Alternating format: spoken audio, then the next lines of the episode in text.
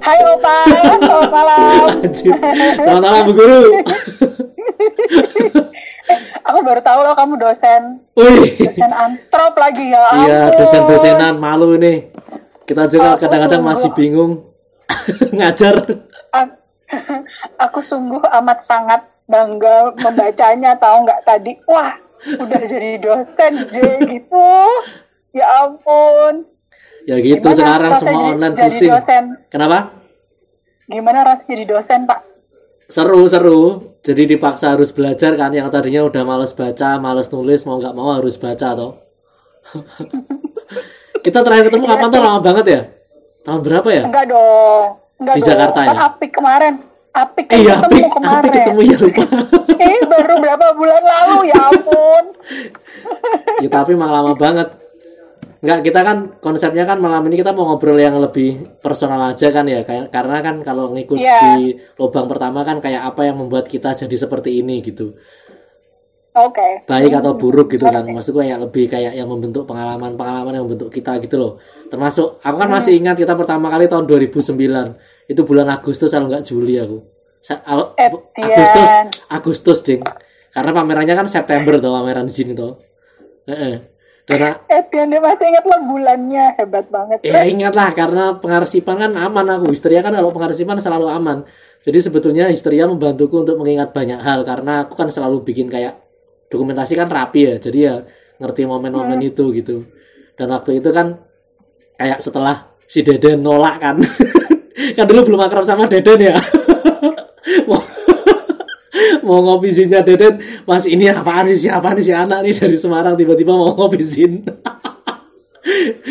Dan aku banyak dapat zin kan dari kamu toh, hampir satu juta lebih kan dulu ini fotokopi masih ingat nggak? Yang berapa kardus ya, Opa? Banyak oh, Kamu tuh pokoknya. bawa kardus kok. Aku inget banget tuh berat banget sih. Aku inget banget kayak aku mikir, ya ampun nih orang satu orang baliknya bawa kardus segitu tuh gimana caranya gitu tuh gak sih? Opa aku kayak hebat banget sih nih gitu. Kayak nggak ada kerjaan tau. kan? itu kan Tapi- awal, tapi itu modal awal. Iya, tapi itu Dari kan yang kayak hari ini. Iya, kan sekarang juga kayak izin yang kamu banyak kamu hibahkan juga ke aku itu kan juga banyak dimaling orang di sini. Tapi kan juga sebenarnya menarik menurut aku, ternyata akunya sendiri waktu zaman itu pun sebenarnya nggak terlalu apa ya, akunya tuh di waktu itu tuh juga belum terlalu ngerti dan paham dan apa ya, kalau dokumentasi itu penting gitu loh pak. Jadi waktu Oh, pas iya, iya. kamu, kalau itu tuh aku tuh buat aku, ya aku punya zin banyak gitu kan, aku distribusi iya gitu kan, tapi bukan terus ngeliatnya kayak akunya sendiri sebagai penitiping atau sebagai IKA gitu, itu tuh sebenarnya punya kapasitas mendokumentasikan kan sebenarnya.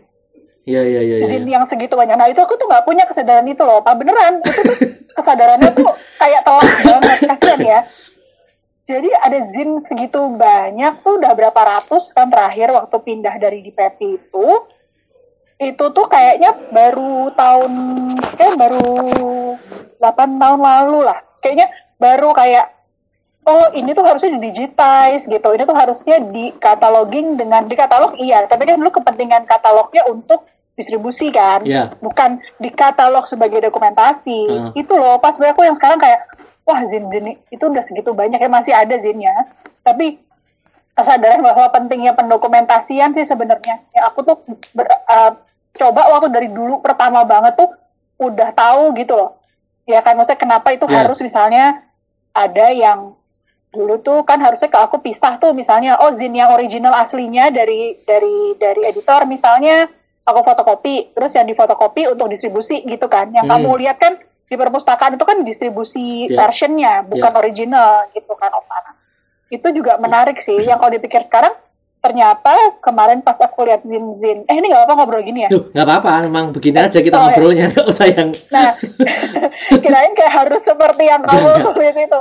Aku merasa bahwa kemarin kan zin-zin itu masih ada semuanya di rumah ibu gitu kan. Nah, setiap kali aku ke rumah ibu kan aku cek gitu ya. Terus aku kan jadi bisa tahu juga sekarang bahwa oh dulu tuh aku cara memilah eh, memilah zinnya itu kayak so ini yang asli, ini yang distribusi. Nah itu emang ada capnya gitu. Sekarang tuh aku baru ngeh gitu loh. Iya, aku iya, mem- iya. mem- membangun membangun sistemku sendiri kan berarti waktu itu kan Opa. Aku kan nggak punya referensi. Iya yang ngerti ngerti. ya sendiri kan Ngerti, gitu. ngerti. heeh. Ya namanya Itu juga DIY. Iya tuh. Iya benar. Tapi kan waktu itu udah ada udah ada di Bandung udah ada kan. Iya. Bandung udah banyak yang bikin distribusi zin ya kan, yang bikin katalognya bagus rapi gitu kan. Lu pam bagus banget bikinnya kan. Iya iya iya. Terus Tapi aku heeh, sama yang aku yang kan- lucu aku tuh nggak pernah nggak pernah ngobrol sama Pam loh sampai sekarang. Mungkin pernah ketemu tapi kayak nggak pernah dikenalin terus ngobrol. Padahal kan udah lama aku denger si Pam si Pam itu kan. Meskipun aku kadang-kadang kalau ke Bandung misalnya ke Ultimus gitu kan. Tapi nggak nggak pernah nggak pernah yang kayak ngobrol terus skena itu gimana. Ini aneh banget sih kalau dari Semarang kan. Karena dulu kan Semarang yang dikenal kan misalnya kayak Garna ya. Garna kan lebih lebih dikenal di uh, zin zin zin maker awal-awal kan sama kesit gitu kan. Iya, iya, Tapi iya. kan kalau aku Iya, kan termasuk generasi setelah itu karena aku diajak karena pameran zin itu tahun 2007 aku masih ingat kan. Cuma Oh, emang yang oke. dulu cukup agresif untuk akhirnya nyari ngumpulin kan emang emang aku yang punya waktu-waktu itu terus ya udahlah gitu. Tapi yang menarik meskipun dimaling-maling sama teman-teman ya, tapi beberapa misalnya kayak Anissa itu itu maling tuh sama tapi aku bangga maksudku aku jadi ikhlas itu loh kalau misalnya ya udah emang terus dia jadi gitu kan jadi aktif terus masih bikin sesuatu dengan semangat uh, DIY gitu terus masih bikin zin. Menurutku itu penting sih. Kita kayak ngasih nggak tahu kayak ngasih influence ngasih inspirasi ke teman-teman yang lain untuk bikin kayak gitu. Karena kan kadang-kadang di kota-kota kayak misalnya Semarang referensi kan nggak banyak kan. Jadi ketika ada kita bawa banyak zin yang bermacam-macam itu dan nggak harus Jepang kan orang terus akhirnya oh bisa nih personal kayak aku dapat yang apa itu Vicom Babes itu kan dari kamu kan ini lucu banget sih Vicom Babes aneh banget Ya tapi kalau dipikir-pikir sebenarnya kan ini juga dari dulu sebenarnya udah ada obrolan ini waktu masih dulu di skena zin ya. Tidak ada konsep kepemilikan sebenarnya sama zin kan. hmm. Jadi kan dulu kalau misalnya ada yang bilang, oh zin gue dicolong nih, wah lo kalau ngambil zin bilang-bilang dong gitu-gitu ya. Itu kan sering diketawain sebenarnya. Karena kan konsep zinnya sendiri kan sebenarnya emang tinggal fotokopi doang, nggak usah berisik deh gitu kan. Iya, Tapi iya, kan iya. buat kita, gue udah ngumpulin lama banget, banyak banget. Sementara yang nyebelin sebenarnya kalau yang originalnya itu sih yang diembat itu tai banget sih. Itu kayak jangan yang itu dong gitu. Iya kan? Kalau Iya aku dulu aku Kita sih gitu. kayak jangan pok- originalnya. Iya. Pokoknya kalau lebih dari Hmm. tiga kopian atau dua kopian sih menurutku masih oke Iya. sih kalau mau diambil teman-teman gitu. Aku setuju Gak soal apa-apa, itu. iya benar kan. Jadi supaya masih ada orang yang bisa ngambil gitu. Benar. Jadi makanya dulu tuh aku bener-bener nggak nggak nggak- orang tuh kayak dulu di, di Pepi tuh nggak ada yang tahu kan aslinya tuh di mana gitu ngerti nggak? Yang Iya. orang tahu kan yang di bawah yang sudah di perpustakaan kan, yang udah memang untuk publik. Peniti Pink itu nama Gitu. zin atau nama kolektif sih? Aku setahu kan kamu bikin yang setara mata Nama sama distribusi. Oh Kalau Zin kan setara mata. Sama Kalau di- yang Zin kan Puncak Mua mata, itu nama Zin juga nggak sih? Puncak mua nama Puncak zinmu ya, yang Zin. pertama ya. Setara mata Zin, iya. Terus tapi semua orang masuk ke rancu sampai sekarang pikirnya peniti pink itu Zin kan. Iya iya Padahal benar-benar. sebenarnya eh, peniti pink itu sebenarnya distribusi zinnya. Iya Namanya peniti pink, gitu kan? iya iya iya. Orang Rumahnya namanya di Pepi. iya nah, iya, orang iya. suka rancu tuh memang. Dia kan? Dulu tuh udah banyak banget lah nama-nama gitu kan di rumah itu kan. Iya kan? Aku aja namamu di HP masih Pepi Ika tahu. Adek gue panggil gue Pepi. Adek gue paling kecil panggil gue juga masih Pep, Pep, Pep gitu. Tapi dulu gimana sih ceritanya? Maksudnya Gitu. kayak mulai bikin itu kan eh, itu kan kamu yang di puncak Mua kan banyak ngomong soal keseharian, terus persoalan-persoalan yang dialami perempuan. Sebetulnya apa sih yang terjadi eh, kemudian membentuk membentukmu untuk mungkin kamu merasa berbeda atau merasa kayaknya harus sesuatu harus aku lakukan deh daripada misalnya aku hanya mengkonsumsi informasi doang atau nggak tahu lah prosesnya bagaimana sih kalau dari kamu sendiri dari proses personal gitu kan Eh, dulu tuh sebenarnya aku aku ingat banget sih. Jadi tuh sebenarnya dulu tuh gini. Aku tuh ternyata udah suka nulis-nulis sendiri. Maksudnya nulis-nulis ya. Maksudnya gini kayak bikin cerpen misalnya gitu. Nah, Terus bikin pokoknya suka nulis, bikin tulisan-tulisan. Setelah aku produksi bisa aku print gitu ya, terus aku simpan sendiri. Nah, termasuk yang tulisan-tulisan itu yang kemudian menjadi cikal bakalnya di Puncak Muak, yang kemudian aku kumpulin di Puncak Muak. iya Jadi waktu itu aku nulis nulis nulis nulis terus eh kalau aku merasa sebenarnya semua tulisan itu sih curhatan ya bentuknya konsepnya emang curhatan maksudnya kan personal zin kan semua zin Iya. aku kan personal zin ya menurut Iya, iya, aku gitu jadi bagaimana aku sebagai Ika sebagai perempuan gitu misalnya kan kayak ngomongin cowok gitu kan misal di puncak muak gitu kan ngomongin Iya. cowok gitu buat gue cowok tuh gini gini gini gini ngomongin orang tua orang tua tuh buat gue gini gini gini gini nah terus jadi dulu menurut aku pertama kali aku merasa bahwa oh eh, aku dulu tapi aku lagi memikirkan sekarang apakah karena aku udah pernah lihat Zin pertama jadi gini, aku udah pernah lihat Zin dulu atau aku sudah merasa bahwa aku pengen bikin Zin gitu kan maksud aku Iya iya. iya. nah seingat aku aku tuh pertama kali ngeliat Zin kan Zinnya Aryan Hmm, 13 kan maksudnya Zin 13 Iya. Nah, terus waktu itu kan aku ngeh bahwa oh ternyata memang tidak tidak maksudnya ti- tidak apa-apa gitu. Maksudnya untuk lo nulis tulisan lo sendiri, nge-layout sendiri, nyebarin sendiri tuh nggak apa-apa gitu. Nah, terus aku ngumpulin tulisan-tulisan yang udah lama aku bikin itu, terus aku jadi satu kolase itu kan, zin kolase gunting tempel, aku staples. Nah, waktu itu sebenarnya kesadarannya kayaknya gini sih, Opa, lebih kayak kayak aku aku pengen ngomongin hal-hal ini yang aku tulis, tapi aku nggak punya teman ngomonginnya. Oh, Jadi emang ada kebutuhan itu gitu, ada kebutuhan untuk eh menurut gue cowok tuh kayak gini, tapi di sekitar aku aku nggak menemukan orang yang bisa aku ngomongin cowok kayak gitu gitu loh, Pak. iya iya iya. Kayak gitu, ya kan? Iya. Terus kayak oh menurut aku orang tua tuh begini begini begini buat aku. Tapi aku tidak merasa entah aku ada problem misalnya trust misalnya gitu ya. Hmm. atau memang nggak cocok gitu kan atau nggak nyambung gitu ya. Atau memang bingung aja mungkin mengartikulasikan curhatannya ini gimana toh gitu. Tapi aku bisa menuliskannya gitu.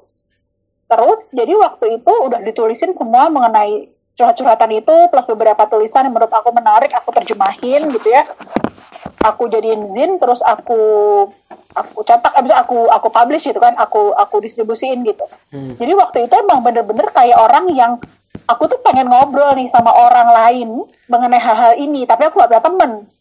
Kayaknya gitu deh Opa. Kenapa aku Iya. bikin itu? Biar aku nyari temen, Zin. Aku tuh biar jalan nyari temen gitu loh. Tapi waktu itu sudah aku ada sudah soal ko- itu. sudah ada komunitas zinnya ya waktu itu ya.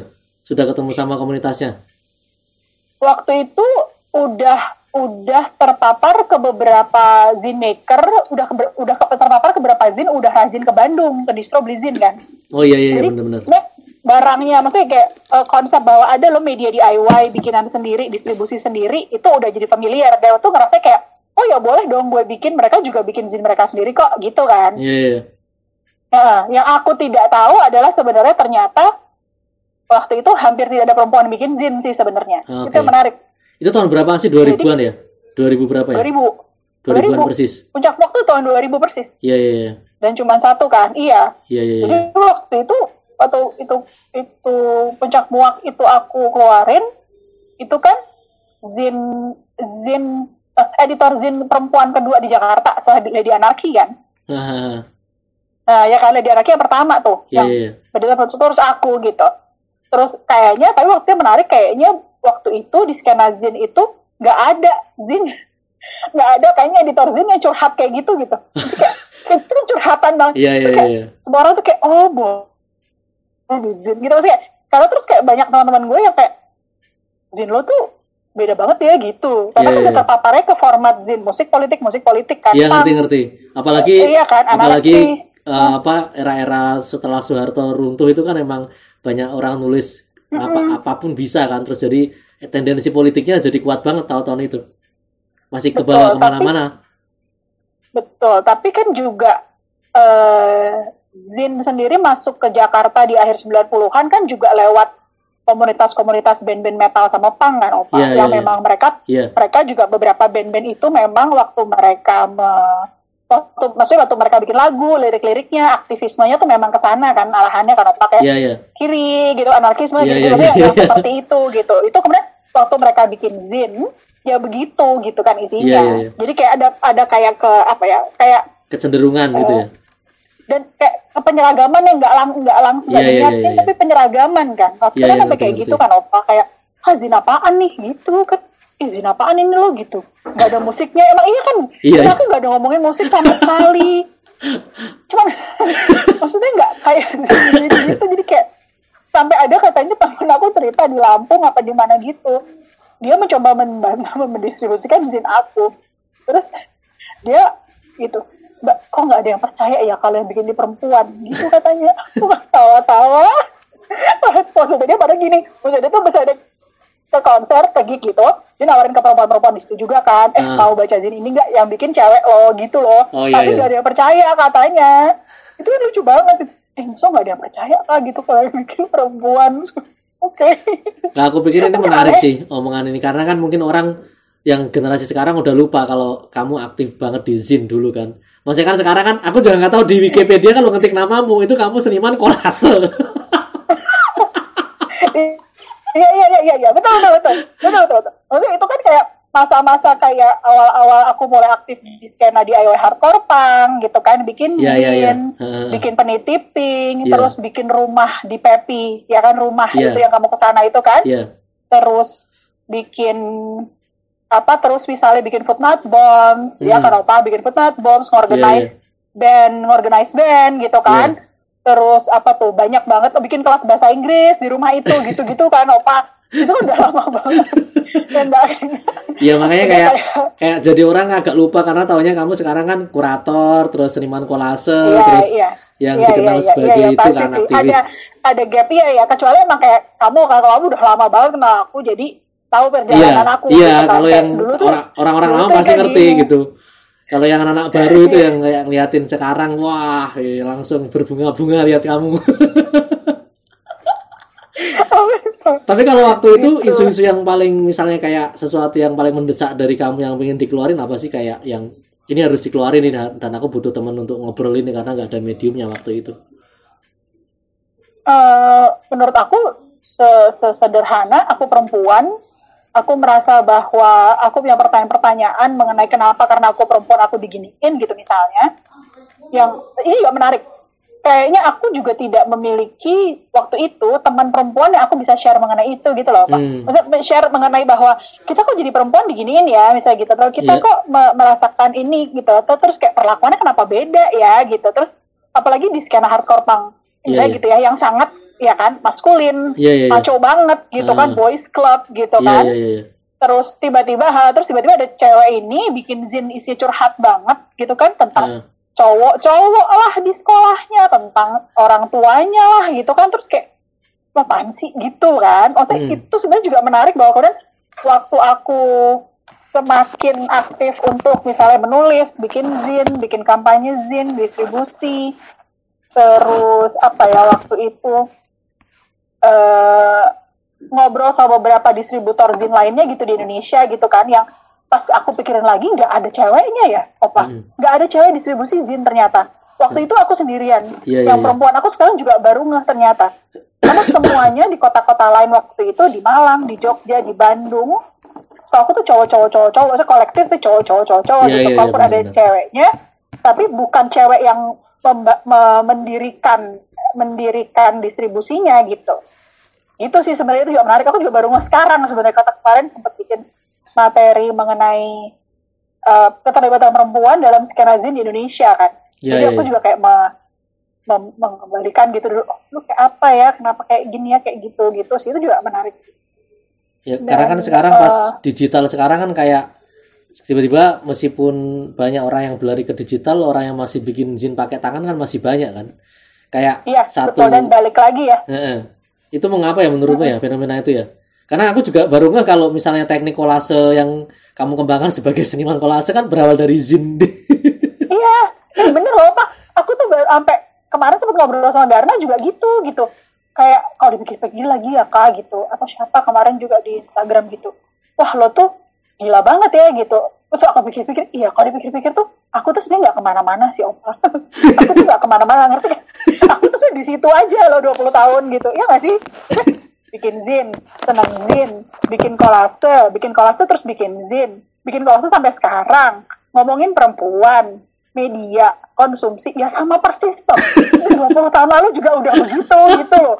Aku tuh sampai ya Allah gitu aku tuh ternyata nggak ke mana-mana ya gitu. Terus kayak eh eh, terus cara kerja kolektif misalnya apa Hmm. Terus kita kan kita berdua itu kan kayak dulu ngalamin era-era betapa kolektivisme dan kerja-kerja kolektif dan bentuk-bentuk kolektif di Indonesia waktu itu gitu Hmm. kan apa di kota-kota di Indonesia gitu kan bedanya sama sekarang dong beda banget kalau kita ngomongin kolektif ya nggak menurut Hmm. aku ya Iya. nah aku juga baru sadar betapa kenapa sih aku suka kayak kolektif gitu kenapa sih aku suka sistem kerja kolektif gitu terus yang paling menarik sebenarnya juga penemuan bahwa kenapa sih aku suka banget bikin workshop Ah, itu oke. juga sih Opa. Iya, iya. itu juga Aku lihat proyekmu yang apa eh, kata untuk perempuan Untuk itu, perempuan. itu kan masih Ha-ha. banget ya ke mana-mana. Iya, tapi kan aku ternyata udah bikin workshop itu kan dari pertama kali pameran kolase aku tahun 2009. Itu Hmm. workshop kolase pertama aku waktu itu pameran. Terus ada workshopnya untuk anak-anak dan untuk dewasa. Nah itu pertama kali banget aku bikin workshop kolase. Tapi menggunakan workshop, maksudnya kesukaan aku bikin workshop itu ternyata emang dari 2009 itu juga sih gitu. Sekarang aku tuh baru ngeh gitu. Mhm. Kayak aku bikin workshop craft misalnya, bikin workshop macam-macam gitu. Itu ternyata udah lama juga ya kalau dipikir-pikir gitu. Aku tuh baru ngeh, kayak aku udah banyak banget juga ya bikin apa workshop terus kayak kenapa ya gue suka banget bikin workshop kan gitu ya kayak Nah. kenapa sih kalau seneng banget bikin workshop gitu kan nah terus aku merasa ini kayak juga kembali ke sistem kerja kolektif yang aku pelajari waktu itu kan gitu Mhm. bahwa kalau dalam kolektif itu kan kita tuh kan bareng-bareng gitu kan. Mhm. apa maksudnya kita bareng-bareng masing-masing ambil peran nggak ada yang di atas nggak ada yang di bawah nggak ada superiority nggak ada inferiority. Terus kita saling berbagi aja lo lebihnya di mana gua kurangnya di mana kita saling bantu. Nah aku merasa bahwa di eh, di workshop di oh, setidaknya di workshop yang aku buat gitu ya aku tuh mengaplikasikan itu banget gitu loh. Nah, Opa, jadi aku meng- mengaplikasikan bahwa kalau di workshop ini, ini bukan masalah aku lebih tahu atau aku guru atau aku yang lebih ini enggak, tapi aku aku suka bikin kolase. Aku pengen ngasih tahu ini loh cara bikin kolase aku. Gimana cara bikin kolase kamu gitu. Jadi Iya. sebenarnya nggak ada nggak ada yang lebih pinter yang lebih ini, tapi lebih kayak aku mau menciptakan ruang aku sendiri di workshop itu untuk berbagi apa yang aku tahu dengan harapan orang lain kemudian juga sharing apa yang mereka tahu. Iya, iya. Kayaknya gitu sih, Opa. Ka- Jadi kamu kan ngerti sendiri kayak apa itu eh, kolase kan kadang-kadang kayak dianggap remeh nggak seperti skill-skill melukis atau bikin sketch atau apa itu pasti kamu punya banyak pertanyaan waktu waktu itu kan maksudnya kayak orang-orang yang pertanyakan ini apaan terus kamu menjelaskan dan mungkin juga anak-anak baru. Kenapa sih kalau cuma mungkin orang akan melihatnya kayak gini doang gitu kan. Padahal orang nggak ngelihat orang nggak ngebaca 20 tahunnya itu loh. Iya juga ya. iya juga sih. ya kayak orang-orang itu nggak lihat proses orang itu lihatnya ya kayak gini aja aku juga bisa gitu. Iya bikin 20 tahun gitu loh. Nah kamu gimana tuh menjelaskan ke anak-anak hari ini misalnya eh kamu menjelaskan ke orang-orang gitu lah dan kamu kan kayak dapat ya hari ini orang sih bilangnya privilege gitu. Tapi kan orang nggak ngerti kan proses yang panjang itu dan dan itu kan sangat mendarah gitu kan. Ya, ada yang nanya nih selama perjuangan soal isu perempuan paling gede kalau dengar orang ngomong apa? Tapi kamu jawab pertanyaanku dulu yang itu. Gimana kamu memahamkan orang atau ngasih tahu ah, nggak sesimpel kayak gini aja gitu. Oh, ini kalau kalau konteksnya bicara mengenai kolase ya, ya ya apa ya? ya Karena kalau gini, kalau aku sendiri selalu cerita jalanan berkolase aku itu tidak pernah dimulai dari eh, bikin kolase untuk bikin karya seni kan nggak pernah kan Iya. proses aku kan nggak kayak begitu kan Iya. aku bikin kolase karena waktu itu aku pengen bikin zin aku nggak bisa pakai komputer desain aku nggak bisa desain komputer aku pakai yang aku bisa yang Iya. mana kolase gitu jangan pakai tangan aja gitu karena aku bisa kalau pakai itu. Ini kan jadi sebenarnya lebih tentang spirit do it ourselves kan. Maksudnya Hmm. spiritnya sebenarnya bukan tentang kayak eh, apa ya bukan tentang kayak oh gue mau bikin karya ini makanya gue pakai teknik ini. Nggak ada gitu. Dulu kan bener-bener kolase ya itu satu-satunya yang aku bisa menurut aku dan aku tahu. Makanya kemudian yang lucu pas dipikirin lagi sekarang memang ada ada jeda yang lama dari aku pertama kali berkolase bikin zin tahun 2000 sampai terus sampai kemudian baru aku 2008 mulai kolase untuk bikin karya Hmm. Bedanya jauh banget loh. Opa itu 8 tahun. Iya iya iya. Karena memang buat aku waktu itu aku cuma ngelihat kolase, bener-bener hanya sebagai alat aku bikin zin titik. Dia nggak ke mana-mana buat aku ya. Tahu aku tuh malah dulu malah kamu bertukar pos apa kartu pos tuh loh, postcard. Bertukar Hah? postcard ke teman-temanmu di luar pakai itu, pakai kolase. Tauku waktu itu. Oh, 2009 kan oke. udah bikin kolase kan, tapi postcard terus kamu kayaknya kamu kirim-kirim ke teman-temanmu di luar gitu loh. Ya Allah udah nggak inget ya Allah udah nggak inget ya Allah udah Waduh, gawat nih. ya Allah udah nggak inget ya Allah udah tua ya Allah. Tapi tapi terus menurut aku yang menarik, aku sebenarnya juga sendiri merasa bahwa waktu 2008 aku kolase melihat kolase sebagai sebuah teknik bikin karya seni atau bikin karya itu sebenarnya aku ternyata di menurut aku sekarang aku sebenarnya tidak membawa fakta aku udah kolasan bikin zin gitu loh Pak ngerti? Jadi aku Hmm. kayak dari nol lagi Iya iya iya. waktu 2008 tuh aku merasa aku udah entirely from zero again learning collage Iya. karena kali ini aku pengen belajar kolase untuk bikin karya walaupun memang waktu pertama kali itu inget blog hopping kan dulu cuma blog gitu gila-gilaan kan. Wah, Hmm. blog hopping terus Iya. teman aku kasih tahu eh lihat deh kak ini bagus deh. Eh, apa mix medianya gitu. So, oh ini kan kolase ya. Aku tuh dulu kan suka bikin apa kolase tuh kan aku dulu suka pakai untuk bikin zin. Kok aku nggak pernah pikir bahwa dia juga bisa dipakai untuk bikin karya kayak gini ya? Nah itu 2008 aku ingat Hmm. banget awal di kantor teman kantor aku ngasih lihat. Nah udah tuh abis itu udah pulang kantor tiap pulang kantor duduk deprok di bawah ambil ini ambil apa ambil kertas yang ada di situ terus bikin bikin kolase tapi dengan konteks ini bukan buat zin ya kak gitu ini buat kayak Iya.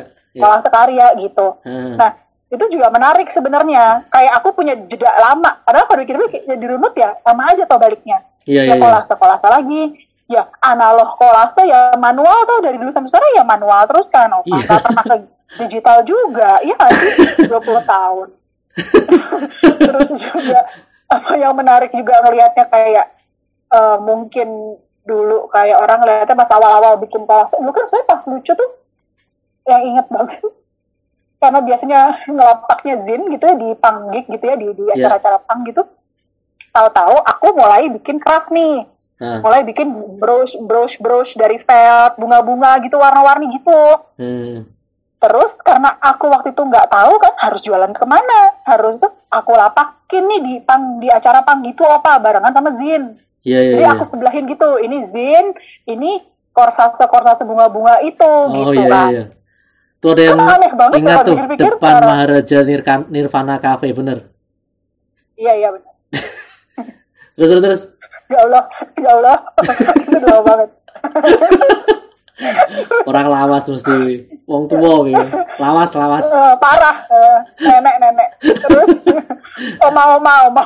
Terus terus terus. terus apa namanya nah terus eh, apa eh, waktu itu tuh sampai teman aku yang sering ke, yang sering ke acara teman aku emang ini lo yang bikin iya oh ya nggak mungkin sih gitu jadi kayak jadi kayak nggak mungkin banget kalau bikin beginian gitu itu menarik loh sebenarnya kayak aku udah ya udah sih emang gue bikin zin iya tapi gue juga bikin korsase felt ini gitu. Dan gue pengen pengen orang tahu juga bahwa gue bikinnya gue pengen jual itu. Kan gitu sebenarnya toh. Cuman karena aku ya taunya skena itu toh kayak nguplek gitu ya gitu aja gitu kan. Ya jualannya ya di situ kan gitu apa Tapi sempat kepikiran kayak monetizing itu gak sih dulu? Kayak distributor di sini tuh kan kadang-kadang kan kalau ngopi nanti dapat berapa gitu-gitu atau emang karena kamu bekerja di agensi waktu itu jadi kamu ya udahlah pokoknya kalau hidup aku dari agensi kalau yang idealis ya idealis aja gitu. Atau kamu sempat kayak kepikiran wah bisa nih misalnya kayak dimonetize dalam tanda kutip gitu waktu itu. Eh sebenarnya menurut aku ya peng- pengalaman aku dari dulu pertama kali bikin zin tahun 2000 sampai tahun 2000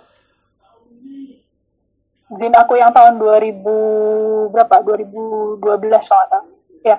Jadi dari tahun 2000 itu sampai 2012 itu aku tidak pernah membe- eh, aku tidak pernah ada niatan zin aku making money. Maksudnya gini zin aku pertama dia nggak boleh harganya nggak dia nggak boleh rugi. Aku nggak boleh rugi maksudnya. Hmm, aku nggak boleh rugi.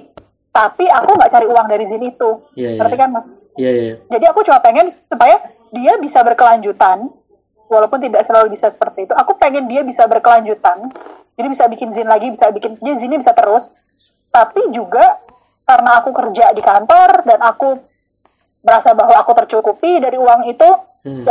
ha- dapat dari kantor aku tidak merasa aku perlu membebankan cari uang dari zin-zin itu kan termasuk Hmm. dari distribusi kan Iya. sebenarnya kan distribusi pun kan butuh uang gitu Iya. apa kayak bikin katalog fotokopi ngedesain Iya, gitu kan ngerti, terus ngerti. juga ya jadi waktu itu juga tidak pernah ada keinginan itu tapi jadi malah mangkel banget waktu zin aku tuh dijual dua kali lipat.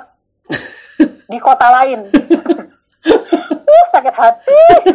Sakit hati banget padahal nggak dipikirin ya mau gimana juga gitu kan. Soalnya itu kayak loro hati banget gitu. Zin udah harganya tiga ribu ya waktu itu. Eh puncak.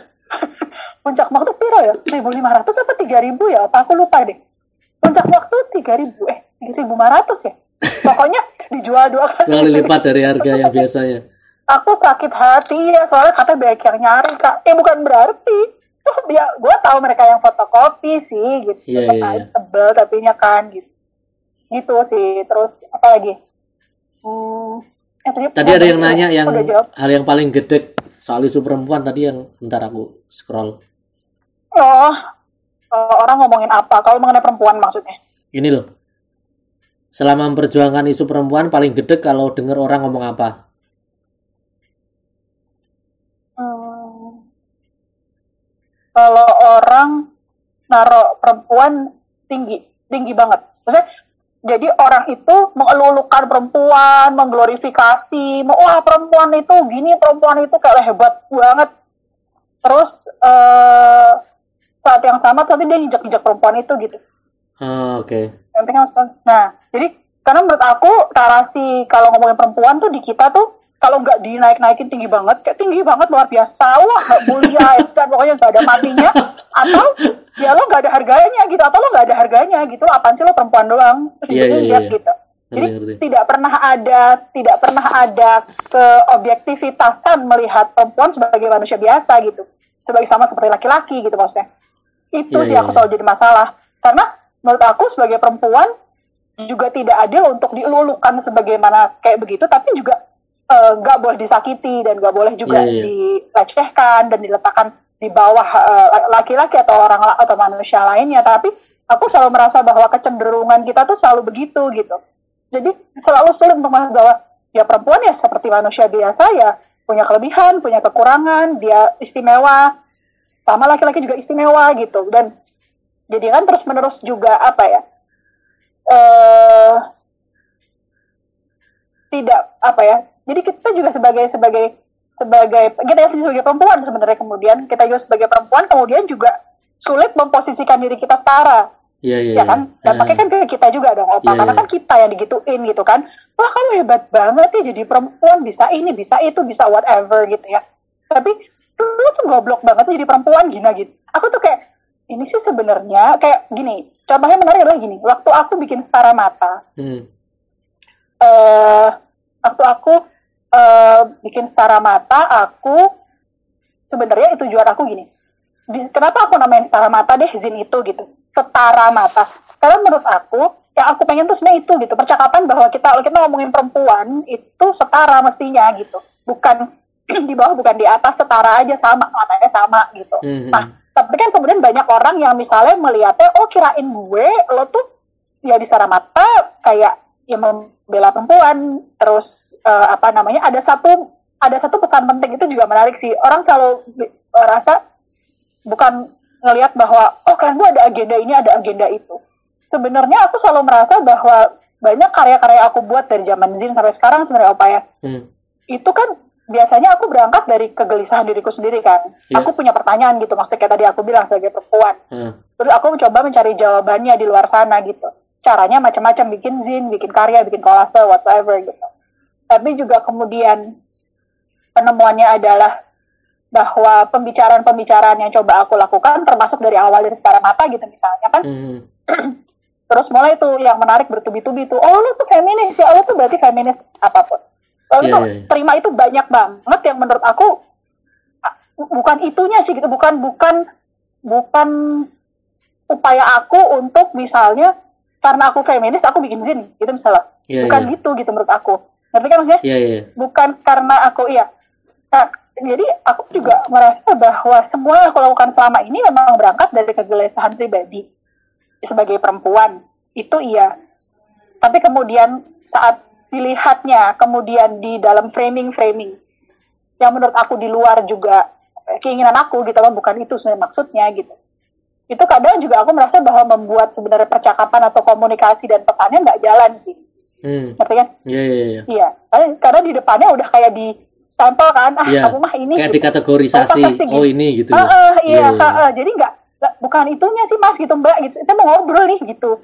Saya bikinnya seharusnya pengen ngobrol gitu. Itu juga sebenarnya itu menurut aku kalau dipikir-pikir lagi, oh menarik juga ya gitu. Lalu aku tuh sering digituin kan, maksudnya di, Ah. dilemparin itu gitu kayak lo mah ini lo mah itu. Iya, gitu, lo pasti iya ini, di lo stempel, pasti di gitu. stempel kayak kayak Iya, di Wikipedia. stempel, bener. Hmm, Iya benar. Seni Iya, kelas gitu. Jadi berhenti.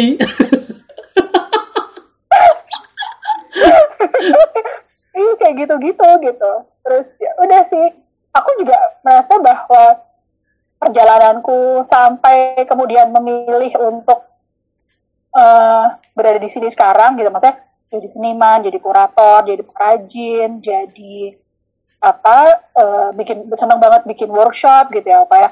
Itu juga kan sebenarnya hasil dari perjalanan yang menurut aku eh, setelah 13 tahun lebih di agensi gitu. Ya. aku 13 tahun di agensi yang mana bidang yang aku fokuskan itu sebenarnya waktu itu konsumsi dan kreativitas gitu kan di agensi kan itu kan aku Iya. lakukan sebenarnya karena aku Iya. dodolan dodolan wow dodolan wes dodolan wes gitu kan dengan dengan cara gimana caranya dodolan gitu kan nah tapi terus aku menemukan bahwa oh eh, awalnya kan aku rasa oh ini aku banget gitu. Kayak wah ini gue nih gitu. Nulis karena aku copywriter kan. Hmm. nulis gitu kan. Terus kreatif gitu. Ada desain terus ada ide-ide gitu. Menurut aku wah aku senang banget nih kerja di agensi karena menurut aku ini sesuatu yang aku suka gitu. Hmm. yang kemudian menarik kan kemudian menarik kan tapi sebenarnya juga waktu aku pun sudah di agensi waktu itu kan aku juga sudah mulai terpapar ke kapitalisme ya kan Hmm. terus ke anarkisme terus kayak ke hal-hal yang seperti waktu itu tuh kayak dulu gerakan-gerakan anti McDonald's gitu waktu Iya, kan aku iya, juga iya, iya. terpapar ke sana kan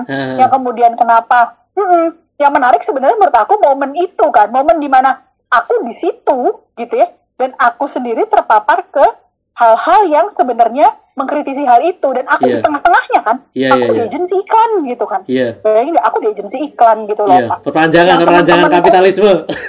betul betul. Sementara setiap hari aku dikelilingi sama eh, teman-teman yang memang anti kapitalisme gitu ya nggak sih? Ya kan? Terus juga apa namanya yang kemudian kenapa aku bikin setara mata tentang tema konsumsi di dalam situ? Karena yang aku coba lakukan adalah gini. Gue nggak apa-apa lo mau bilang anti billboard gitu ya. Lu kan ada tuh anti billboard. Iya. gak apa ya jadi ya gue bisa ngerti kenapa lo anti billboard tapi kan menurut aku tapi kamu ngerti nggak billboard itu dibikinnya gimana gitu mas aku Hmm. politik dibalik itu loh psikologi yang digunakan supaya misalnya billboardnya bentuknya kayak gini fotonya kayak gini kata-katanya gini Hmm. itu yang aku coba bagi di setara mata sebenarnya kan Opa Ah, untuk oke. ngasih tahu bagaimana advertising itu bekerja gitu loh bagaimana dia membuat lo bisa ngelihat kayak lo sebenarnya nggak butuh tuh barang. Tiba-tiba lo butuh banget dan pengen banget tuh kenapa? gitu. Iya, iya, iya. Nah, Kapitalisme lanjut kan begitu ya katanya ya. kenapa? Kapitalisme lanjut kan begitu katanya. Tingkat Nah, konsumsinya. sebenarnya itu. Betul. Nah sebenarnya itu yang aku coba lakukan di setara mata kan. Pas aku pikir lagi sebenarnya aku sih nggak masalah ternyata berada di situ. Maksudnya berada di di di, per- di agensi iklan jualan membuat orang belanja setiap hari. Tapi aku juga merasa bahwa ada pertanggungjawaban aku ya kan karena bagian dari rantai dalam situ untuk sharing kan Hmm. ini loh supaya lo nggak supaya lo nggak gampang langsung panik buying gitu misalnya kalau ada diskon Iya, iya. gitu kan maksudnya kenapa aku share nah waktu itu aku udah kayak gitu ternyata di setara mata walaupun kemudian saat yang sama aku juga baru ngeh berapa puluh tahun setelahnya bahwa aku tidak tahu apakah upaya yang aku ingin lakukan itu di setara mata works that way. Maksudnya itu itu itu Iya. itu minimal per- atau enggak, minimal kayak tahu. pertanggungjawabanmu sebagai personal yang berada di fase ambang itu kayak tersalurkan gitu ya yang menarik jadi aku bahkan bisa mengkritisi iklan yang dibikin sama kantorku sendiri Eh, puas iya iya iya iya. karena ya mereka juga nggak tapi kan mereka juga nggak terpapar ke media itu ya. Masa ke media aku bikin gitu. Tapi aku bisa melakukan itu gitu. Dan aku punya otonomi dan punya kontrol itu kan jadinya. Hmm. karena aku being part of the whole process gitu. Pas dipikir lagi sebenarnya menarik juga proses aku dan sesuatu yang namanya konsumsi. Karena kan kalau sekarang sebagai seniman aku sering bilang bahwa aku nggak suka ngomongin perempuan media dan konsumsi. Aku merasa bahwa bagian konsumsinya itu karena aku belajar selama aku di agensi itu kan sebenarnya Pak. Karena lama Iya. banget kan. Jadi aku kayak wah ngerti nih ya eh, gimana cara kerjanya dan kenapa gitu. It, it, it makes us that way. Jadi aku juga sadar sekali betapa konsumtifnya aku gitu misalnya kan dan bentuk-bentuk konsumerisme yang yang aku lakukan gitu. Dan aku eh, orang-orang yang lakukan gitu. Wah, tapi aku bisa jadi kamu- menurut aku jadi lebih Iya. awal. Kamu sharing di kelasku tuh aku tuh ngajar antropologi konsumsi. Oh ya itu kayak apa bentuknya? Iya, kayak- gimana? ya kayak ini kayak teori-teori terutama teori-teori mengapa orang kemudian mengidolakan barang terus sejarah sosial benda-benda gitu-gitu oh, Heeh. oh, seru dong? Ya, Mestinya kapan apa lah ntar kita undang ke Semarang lah. oh itu oh itu tuh ada ya antropologi konsumsi Ada ada. Ngomongin ngomongin hubungan antar apa orang dan benda terutama. Komoditas lah kita ngomongin komoditas paling ini. Terus bagaimana bagaimana value, itu terbentuk, terus bagaimana pilihan-pilihan itu diarahkan misalnya, ya gitu-gitu lah. Iya, iya, pokoknya. iya, Aku juga masih belajar Iya, sih benar, pusing benar. sih jadinya kayak yang kayak Iya yang harus kan, tapi saya menarik sih. Nah, menarik banget sih tapi ya kan, the politic of fear gitu kan, Iya. politik of takutan yang digunakan, dodolan gitu kan gila banget kan opa itu gitu kan. Iya Itu iya. menarik banget sebenarnya. Tapi Ya kan, kalau- aku membicarakan itu secara terbuka. Iya, tapi kalau menurutmu sendiri apa sih yang menggerakkanmu sampai sekarang gitu kan? Orang kan punya punya ya kan punya yang kita nggak ngerti nih. Kadang-kadang kalau kita kita ngomong di di umum kan kita kadang-kadang suka yang menyortir yang yang yang bawah sadarnya kita sortir kadang-kadang yang diomongin kemudian yang rasional, yang neat, yang rapi, yang yang positif, yang apa. Kalau kamu sendiri apa sih yang kira-kira menggerakkan gitu? Karena kan sebenarnya konsep di lubang pertama itu banyak ngomongin itu tuh itu sih kayak yang lebih sesuatu yang sangat personal yang mungkin mungkin tidak rasional yang kemudian membentuk kita yang menggerakkan kita. Kalau kamu sendiri apa tuh?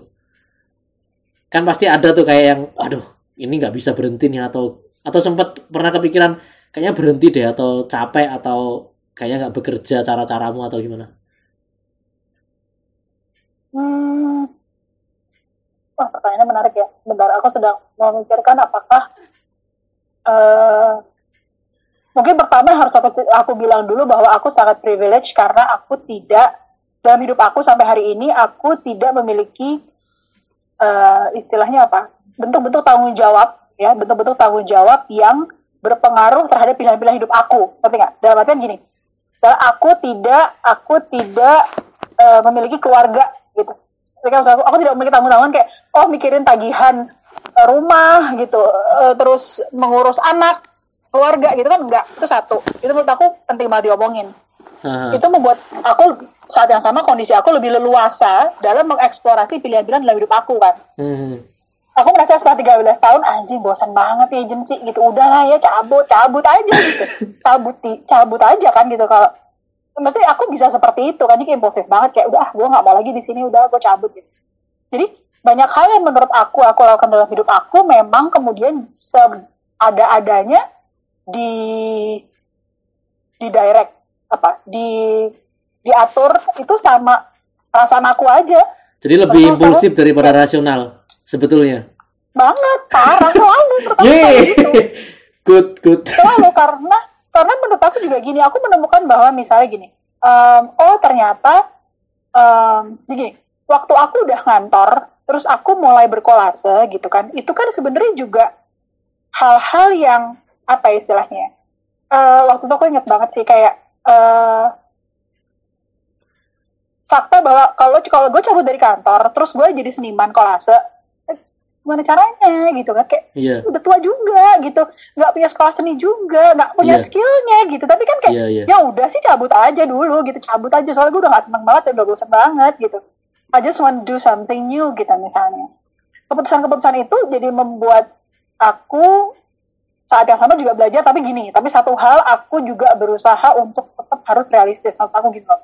Aha. aku selalu bilang juga sama banyak orang bahwa berkarya itu eh berkarya itu karya kita berkarya itu akan jauh lebih menyenangkan kalau kita tidak kelaparan Iya, iya, iya. bener kan ngerti maksud aku kan? Ya jadi maksud aku gini waktu dulu tuh aku di agency terus aku kolasaan pulang kantor aku tuh sadar sekali bahwa aku tetap harus kerja aku tetap harus gajian aku tetap harus makan gitu Hmm. aku berkarya iya, tapi aku juga sadar bahwa waktu itu mungkin udah mulai ada kayak eh apa ya kayak gini, kayak kayaknya eh, kayaknya bukan ini deh yang pengen gue lakuin gitu. Waktu di agency itu ya maksudnya kayak Hmm. kayaknya bukan ini deh yang pengen gue lakuin gitu. Kayaknya gue pengen ngelakuin sesuatu yang bukan ini gitu. Nah, tapi waktu itu aku belum tahu apa kan. Tapi aku sudah mulai senang kolasaan misalnya. Jadi yang aku lakukan adalah aku kasih waktu nih buat kolasaan gitu misalnya. Jadi kan aku Hmm. suka buat kolase. Jadi aku ngantor, selesai iya pulang kantor kolasaan. Hmm. Gitu kan terus menerus kan sampai akhirnya aku merasa udah ya aku mau cabut dari kantor, aku mau fokus ke sini gitu. Nah itu kan butuh proses toh, Iya, butuh waktu dan butuh duit toh. iya. Nah supaya tetap bisa punya duit gitu ya, supaya tetap bisa makan dan tenang berkaryanya, tetap harus kerja toh. Hmm. Ya kerja aja menurut aku. Tapi kalau proses aku kemudian aku belajar bahwa kalau aku menemukan bahwa ada ketertarikan baru akan sesuatu di hidup aku yang menurut aku dia mempunyai magnet yang besar dan daya yang besar sekali untuk diriku, Hmm. aku biasa kemudian berkomitmen atau apa, mendedikasikan itu tadi waktu, energi, uang gitu ya untuk ngikutin atau untuk me untuk ngikutin ke mana dia akan bawa aku gitu. Jadi aku Mhm. sayang-sayang gitu gimana sih? Aku siramin, aku gitu loh istilahnya. Iya, iya, Biar iya. nanti dia jadi besar. Saat dia jadi besar, aku juga pengen tahu kan, saat dia jadi besar dia mau ngebawa gua ke mana nih? Nah gitu. Iya, Ngerti iya. ya maksudnya? Iya, iya. Nah, proses aku tuh kayak gitu banget, Opa. Jadi aku kasih, aku itu nurut, aku ikutin aja dulu. Ini, bawa- ini Zin bawa gua ke mana sih? Misalnya gitu ya. Iya, iya, ini iya. Zin Zin ini akan bawa gua ke mana satu. Terus kolase ini akan bawa gua ke mana sih? Gitu. Diikutin aja. Kalau memang kitanya ngerasa bahwa tarikannya besar sekali dan kita mau di situ ya. Kan, Nah. wah gue suka banget kan katanya gitu. Kalau lo suka banget sama sesuatu, lo akan make time for it gitu. Walaupun lo sibuk banget, lo pasti akan making time. Nah, Iya. kayak gitu persis aku percaya banget kamu sibuk banget tapi kamu suka banget zin gitu ya kamu kan ya akan meluangkan waktu untuk bikin zin dong gitu Iya. karena suka banget sama zin nah kayak gitu sama ya aku ya kayak gitu dari dulu satu di sini masih tapi aku mulai merasa kayak ini udah enggak deh harusnya mulai ke sini. Nah hal baru ini nih yang aku kemudian pelan-pelan aku dedikasikan waktu tenaga uang gitu loh supaya dia jadi sesuatu yang kemudian aku bisa ikutin. Kalau dia membesar dia akan membawa aku ke mana? Hmm. itu kalau aku ceritanya. Iya, iya. itu tadi. Jadi aku dan aku bisa bisa bisa mengikuti proses itu. Hmm, hmm. karena aku punya privilege itu tadi. Aku bisa bisa cukup misalnya. Aku kalau saat udah 11 tahun ya sampai Hmm. hari ini ya kan kolasaan dari 2008 kan opa sampai hari ini Hmm. udah 11 tahun misalnya itu kan lumayan lama kan gitu Lama, lama, tapi kan lama. waktu itu pun kayak aku tetap kerja, tetap tetap kerja, tetap apa, tetap karena menurut aku aku tetap harus makan. Tapi fakta bahwa aku suka banget nih bikin karya kayak gini, aku kayaknya walaupun dulu juga sama sekali tentu saja nggak kepikir ya, oh suatu hari aku akan jadi seniman. Itu nggak itu nggak ada pikiran itu sama sekali nggak ada. Iya, Tapi iya. aku tahu bahwa oh aku suka nih bikin kolase, aku suka nih bikin kriya, aku suka nih kayak gini-gini, suka ngelapak gitu. Terus kayak pengen tahu, oh terus kok ini eh satu karena dulu awalnya pertama kali di Etsy, Etsy.com, www.etsy.com itu Aha. pertama kali buka buka tokonya di sana kan 2009. Hmm. Waktu itu karena udah terus responnya menurut aku ya, responnya positif banget. Terus kayak apa ya kayak eh tentu saja berbeda skenanya di sana yang maksudnya kayak mereka ngerti gitu oh ini kolase original ya kak. Iya. Mau mau mau tukeran art print nggak? Mau gitu. Nah terus kayak udah mulai sampai aku 2009 tuh udah diajakin pameran di Amerika kan waktu itu. Hmm. bayangin nggak? Aku kayak ah gue kamera di Amerika? Itu rasanya udah kayak aneh banget sih gitu kan. Ya gue baru bikin puasa 2008 2009 dengan itu aja udah kayak aneh sekali sih gue inget banget gue bilang sama Ade Darmonok gitu tapi terus yang sama aku juga mungkin beruntung dan bersyukur juga bahwa aku terpapar ke komunitas di itu gitu. Yang mereka memang mengerti gitu apa sih namanya kayak jadi independent artis lo baru iya, iya. mulai. Ah, mereka ngerti misalnya ngerti kan? Mereka ngerti misalnya original art ini artin seperti ini commission apa gitu. Tapi aku juga sadar bahwa karena waktu itu aku nggak kenal siapa-siapa sih sebenarnya I have no Iya, idea gitu. Gue nggak Iya, punya iya. link nggak ngerti. Mau main sama siapa gitu. Aku Iya. mainnya di rumah di Pepi ya kan anak main ke rumah. Iya, pulang iya. kantor di rumah nongkrong. Udah gitu doang kan. Ah, Nah kemudian tiba-tiba terus oh ya kalau aku bikin karya ini aku mau jual ke mana ya? gitu kan. Oh mulai Iya. diajak ngelapak waktu itu. Barengan lah ngelapak sama anak-anak komik gitu-gitu kan waktu itu Hmm, apa. hmm, awalnya hmm. kan dari sana gitu kenalan. Iya. jadi prosesnya emang mungkin karena kenapa aku mungkin ternyata prosesnya balik situ lagi balik situ lagi gitu. Nggak ke mana-mana. Ya mungkin karena aku berusaha memberi dia waktu ya. Maksudnya memberi memberi ketertarikan yang aku atau hal-hal aku percaya dalam hidup aku ini waktu sih. Waktu untuk dia cukup besar dan dia akan membawa aku ke keadaan di mana kemudian hari ini aku bisa bilang aku senang menjadi diri aku gitu. Karena aku melakukan hal-hal yang aku suka Iya, iya, iya. gitu Itu kayak berarti kayak Gitu. konsisten sama komitmen itu kayak udah kayak kata, kunci mati gitu ya. Kayak harus gitu ya, yang memang atau enggak? tapi kan tidak pernah diniatin begitu kan aku Enggak kan ya? punya niatan harus konsisten Enggak ya. harus Ma- fokus lebih ke kayak harus serius lebih ke kayak ini ya, mengalir terus. Ya udah karena itu suka ya dikerjain Iya. terus gitu. Nanti kalau bosan ya ditinggal betul. dulu, nanti bikin lagi gitu-gitu ya. betul betul nah lebih gitu lebih gitu banget jadi Iya, terus iya. juga mungkin juga nggak ada goal ya. Nggak ada goal besar muluk-muluk atau nggak ada kan. Maksudnya ngikutin aja. Dia bisa bawa ke mana bisa ngasih apa bisa diekspor ke mana. Oh ternyata dia bisa ngasih ini ternyata dia bisa bawa itu. Tapi juga bukan yang wah gue harus bisa gitu. Nggak pernah ada sih kalau menurut aku Iya, ya. iya. Tapi Itu kan proyekmu kan sekarang jadi makin banyak kan, mulai dari bikin Hmm. kolektif betina, terus terlibat di banyak pameran, terus kadang-kadang mengkurasi, terus bikin kata untuk perempuan itu kan kayaknya kan gila nih orang nggak ada habisnya energinya nih. Iya semua orang bilang gitu loh semua orang kayak wah gila ya karena orang kadang-kadang nggak lihat Gila. itunya.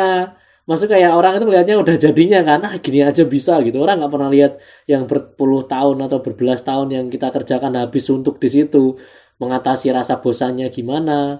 Nah kamu sendiri gimana tuh? Pernah nggak sih kayak ada satu titik kayaknya, aduh capek banget kayaknya yang kita eh, isu yang kita eh, dorong nggak nggak berhasil atau gimana? Halo Mas Ade, tuh ada Mas Ade tuh. Hai Mas Ade baru aja tadi Baru diomongin Mas.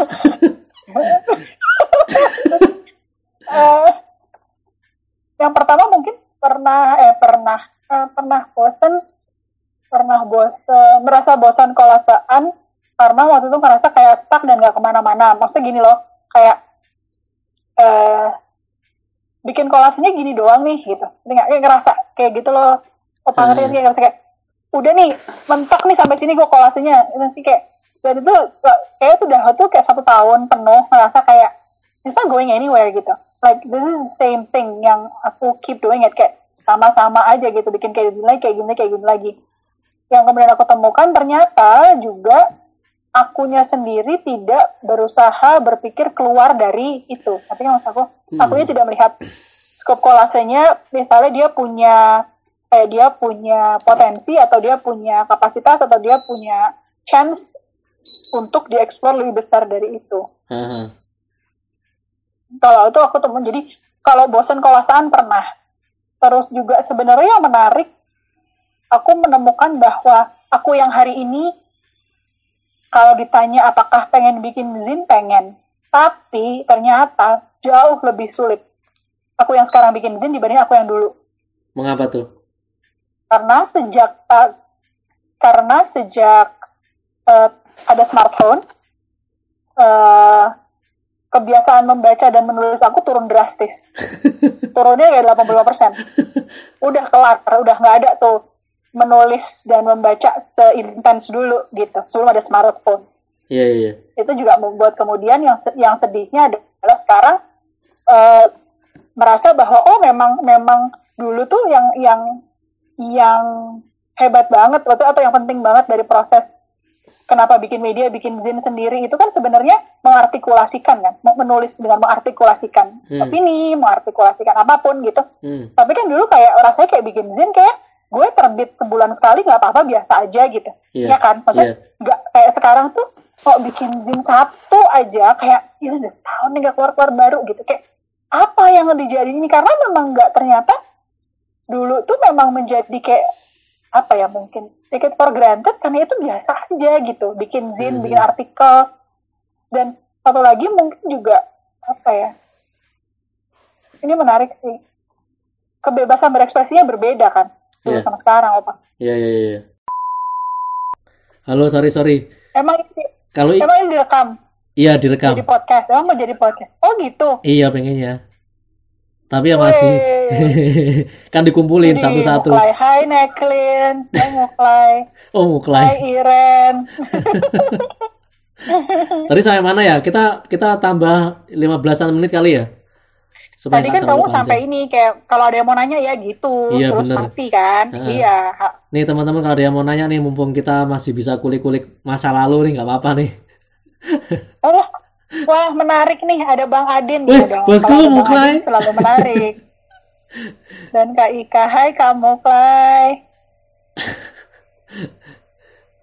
Ah, semu- semua sehat ini kan? eh, gimana nih pandemi nih? Kamu gimana nih menghabiskan waktu supaya nggak bosan? Iya.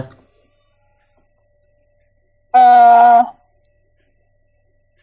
aku jadi yang menarik gini sebenarnya. Aku kan sebenarnya udah ya aku work from home lah. WFH aja kan aku nggak nggak nggak beda lah sebenarnya. Aku emang kerja di rumah kan selama ini gitu kan. Yang membedakan kemudian mungkin rutinitas rutinitas eh rutinitas rutinitas baru yang memang menurut aku menariknya tuh nggak banyak pilihannya sih itu yang berat. Iya, iya, iya, iya. doang kan gitu. Terus kayak hmm, terus saat yang sama mungkin eh, kepanikan kepanikan pergantian format kan pergantian format kekaryaan acara gitu kan presentasi gitu kan. Iya, iya, iya. terus kebetulan karya semua kan berubah nih ya kan? Ah, terus eh, aku kan gaptek parah toh. Dan males banget belajar kan. Tapi bagus nih ada ada ini. Jadi aku memaksa diri aku untuk belajar. Maksudnya aku memaksa diri aku untuk gitu. Maksudnya untuk eh, eh belajar dong Ika gitu. Ini udah udah nggak bisa males-malesan udah nggak bisa tunggu-tunggu nih. Udah kayak ini mau udah harus mau nggak mau lo ngebiasain untuk familiar sama mediumnya sama teknologinya kan gitu. Iya. Ini kayak PR nah dan aku selesai sekali selesai harus dikumpulkan nih. Orang langsung dipaksa untuk masuk ke digital. dan aku sadar sekali betul. Terus aku merasa banget bahwa aku tuh orangnya kayak emang kayak gitu. Orangnya emang kayak harus dicer harus dijorokin ke jurang dulu nanti baru gitu. Kalau nggak dijorokin nggak ngapa-ngapain. Pokoknya parah deh. Nah terus jadi sekarang yang aku lakukan hmm, menariknya kemudian aku masih ada beberapa penting banget muka. Gila gue kayak sekarang nih udah bagus nih Adin ngajakin IG live-nya sekarang udah nggak terlalu deg-degan. Waktu baru pertama kali diajakin IG live tuh kayak wah parah gitu. Lebih lebih takut gitu. Apa namanya? Hmm, aku juga merasa bahwa aku bukan orang yang tertarik dengan ide me- apa ya memperlihatkan hal-hal privat kan di media sosial gitu. Nah, hal-hal yang menurut aku dia privat dan punya aku, aku tidak harus memberitahu seluruh dunia di media sosial mengenai itu gitu. Heeh, Ya aku bilang kayak video call, aku aja tidak nyaman video, tidak nyaman video call misalnya. heeh. Karena aku merasa video call itu kan lebih lebih situasi lo ya apa adanya lo lagi di situ kan. Iya. Eh, Lo kelihatan kan lo ngapain ngapain. Itu aja aku kan nggak suka. Aku nggak pernah video call misalnya gitu. Cuma sama sama keluarga aku. Tapi kemudian juga aku rasa eh, menarik adalah aku sampai bahkan mengamati konsumsi aku selama pandemi. Itu aku tulis. Hmm. Aku tulis satu-satu pointersnya. Apa yang berubah, apa yang ternyata memang beda banget ya selama pandemi. Kalau kita mau kalau kita mau konsumsi aja deh. Iya. Konsumsi apa misalnya? Eh, barang karena aku penimbun barang. Heeh. Aku penimbun barang kan. Aku penimbun barang yang di situasi seperti ini ternyata aku diuntungkan. Karena aku nimbun. Aku punya banyak sekali barang yang sebenarnya akhirnya mungkin aku dipaksa untuk memikirkan bagaimana nih mengolah timbunan barang sebanyak ini nih. Hmm. Ya aku sudah timbun lama sekali di rumah kan. Hmm. Tapi saat yang sama, aku juga menemukan bahwa misalnya eh sesederhana pulpen. Jadi aku tuh kan kalau nulis hanya pakai pulpen ini gitu ya, Hmm. salah satu gitu. Heeh. Aku udah punya banyak nih pulpen ini, tapi udah pada mau habis. Aku sekarang udah mulai kepikiran gimana kalau nggak ada lagi yang jual. Hmm. Sementara aku nggak bisa nulis kalau nggak pakai pulpen itu gitu. Iya, iya. Itu menarik banget kan. Dulu Iya. kan aku nggak pernah mikir-mikir kayak gitu toh. Kita nggak mungkin nggak pernah mikir bahwa oh kalau barang ini habis, ya lu beli lagi. Ini masalahnya bukan nggak bisa belinya. Aku ada uangnya. Ada yang jual nggak barangnya? Iya, iya, iya. Itu kan. Ada toko yang buka nggak gitu. Itu menurut aku menarik banget. Terus juga ada eh, peningkatan jumlah sampah. Oke. Karena di rumah, ya kan? Iya, iya, iya. GoFood, ya kan? Hmm. Delivery kan? Eh, online shopping kan, Hmm. itu kan naik semua jumlah sampah setiap hari dan di rumah gitu, ya kan? Nih, Terus mulai nih, juga- bener banget kak. Sekarang beli cat aja harus PO. Nah makanya itu kan berasa banget perubahannya kayak jadinya. Yang dulu kan kita nggak mikir bahwa akan seperti ini gitu loh konsekuensinya ke diri kita sebagai seniman atau misalnya makers atau desainer kayak hal-hal yang kita selama ini ya udah sih kalau gue butuh apa beli ya tinggal beli aja kan gitu. Nah Hmm. sekarang kan ternyata tidak lagi tidak ada sesederhana itu gitu. Itu Iya, iya. serem sih sebenarnya Adin menurut aku ya. Iya. Tapi saat yang sama juga tentu saja berarti memberi tantangan baru kepada kita untuk berpikir lebih kreatif, aktif, gitulah lebih di, ditekan, ditekan supaya eh, apa namanya ditekan untuk ayo harus bisa thriving gitu kan harus bisa menggeliat supaya tetap semangat tetap bisa bikin-bikin segala macam terus juga eh, Di Komenika bicara tuh, di teman-teman tuh. Komennya apa? Nih, Oh, Nica. ya. Oh my god, baik kan nulis di buku harian rapih banget, langsung in love sama konsistensi berkarya baik. Like, asli. Sama kamu juga. Udah lama banget bikin-bikin zin sama gambar-gambar. Terus, iya sih, terus aku merasa bahwa eh, konsum gini, kita tentu saja nggak mungkin mengingkari bahwa teman-teman kita setengah mati nih sekarang yang di ya kan yang di Sibudaya Ya. Pekerjaan sulit sekali di PHK. Mereka mereka bekerja harian, nggak ada proyek, mau di cancel atau di pensi. Ya, benar. Itu juga membuat aku kemudian melihat teman-teman aku yang misalnya mereka bikin eh bukan lain bilang banyak kriminal. Iya sama bos, Semarang juga nam- mulai rame orang-orang maling nih. Oh ya, Iya. Beberapa Hal yang kayak tempat. gitu-gitu loh. Iya. Terus juga aku melihat sekarang misalnya aku biasanya misalnya beli sabun bikinan teman aku gitu ya. Hmm. Nah, aku tuh merasa sekarang tuh aku beli sabunnya dia itu kan berbeda ya sekarang sama aku beli sabunnya dia sebelum pandemi. Ngerti Iya, iya, ya? iya. Iya. Nah, itu kan menarik, Adin. Sebelumnya kita nggak pernah kepikiran bahwa saat kita membeli produk-produk bikinan teman-teman kita gitu ya, Hmm. kita tuh dulu kan ngeliat tuh, oh aku suka produknya titik. Nggak necessarily kalau di temen gue gitu. Hmm. Tapi kan sekarang itu juga sadar bahwa kita tetap kalau bisa mensupport mereka, karena mereka terpapar dan terimbasnya gila banget nih pandemi ini gitu loh. Mereka nggak bisa jualan apa pun kan Iya. salesnya drop pembelinya ada pembelinya nggak punya uang gitu untuk beli produk-produk mereka gitu Iya. kayak gitu jadi membuat kita memang jadi lebih peka lebih awas gitu kali ya eh Adin ya maksudnya lebih kayak semuanya tuh jadi kayak dilihat lagi kayak eh gue lihat lagi coba deh. nah gue lihat laginya tuh bukan dengan mata yang dulu gitu mata yang baru Hmm. Oke nih, karena kita udah lebih dari satu jam, aku takutnya nanti kalau terlalu Oh, iya, panjang benar. repot. Kira-kira ada close, deadline kira-kira ada kayak deadline semacam statement kalau misalnya orang-orang tertarik untuk berbuat bikin zin yang panjang atau konsisten, apa sih yang misalnya yang bisa membuat kasih kamu kasih kata-kata buat teman-teman yang misalnya mau melakukan proses yang sama gitu. Karena kan orang lihatnya kan di luar ya, orang nggak ngerti sebetulnya proses kita itu panjang gitu loh. tapi menurut aku tapi menurut aku juga semua proses prosesnya orang beda-beda ada satu proses yang mungkin pendek tapi udah langsung membuahkan hasil ada proses yang panjang tapi baru dapat hasil. Menurut aku mungkin yang yang menjadi pertanyaan ya, tapi mungkin yang menjadi tantangannya bersetia dengan prosesnya sih.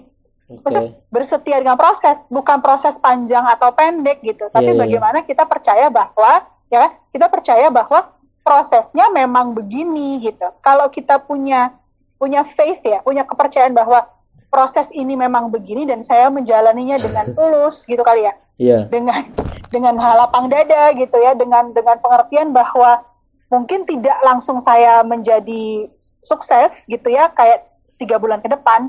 Tapi saya sadar bahwa saya menjalani ini dengan tulus dengan sepenuh hati dan juga lapang dada. Mungkin itu kali ya menurut aku yang yang lebih berat ya Adit. Iya, iya, karena iya. kita tahu lah kalau di bidang ini kan seberat itu gitu. Jadi mungkin itu sih menurut aku Iya, yang iya, yang yang lebih berat. Dan mungkin itu bagaimana bersetia dengan proses dan tidak mudah patah arang di tengah jalan. Terus udah lama nih gue nggak sabar ah. Gitu. Aku mau udah cabut. Gitu Itu yang paling susah sih Gitu, ngatasi perasaan-perasaan itu ya kayak nggak ada kok nggak ada progres Iya. gitu ya. kamu pasti kan pasti kenyang kamu ngerasa gitu kan aku inget banget curhatan kamu soalnya pertama kali dulu bikin acara aku itu kan Anjrot. ah, Anjrot. sepi banget ya Allah aku sedih banget tapi kan kamu masih di situ sampai sekarang ya Oke Bu Guru, terima kasih atas waktunya. Nanti kalau udah jadi terima podcastnya Opa aku terima kasih banyak teman-teman Terima kasih udah bergabung Iya.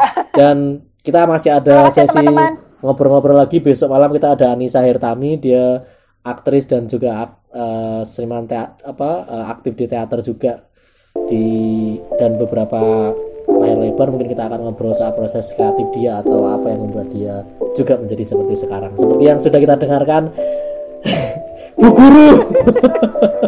Ntar kapan-kapan kita sambung lagi ya kalau ada isu yang lebih spesifik gitu. Karena memang kita maunya ngobrol yang Iya, ke mana-mana aja dulu gitu Oke, sampai ketemu Ika.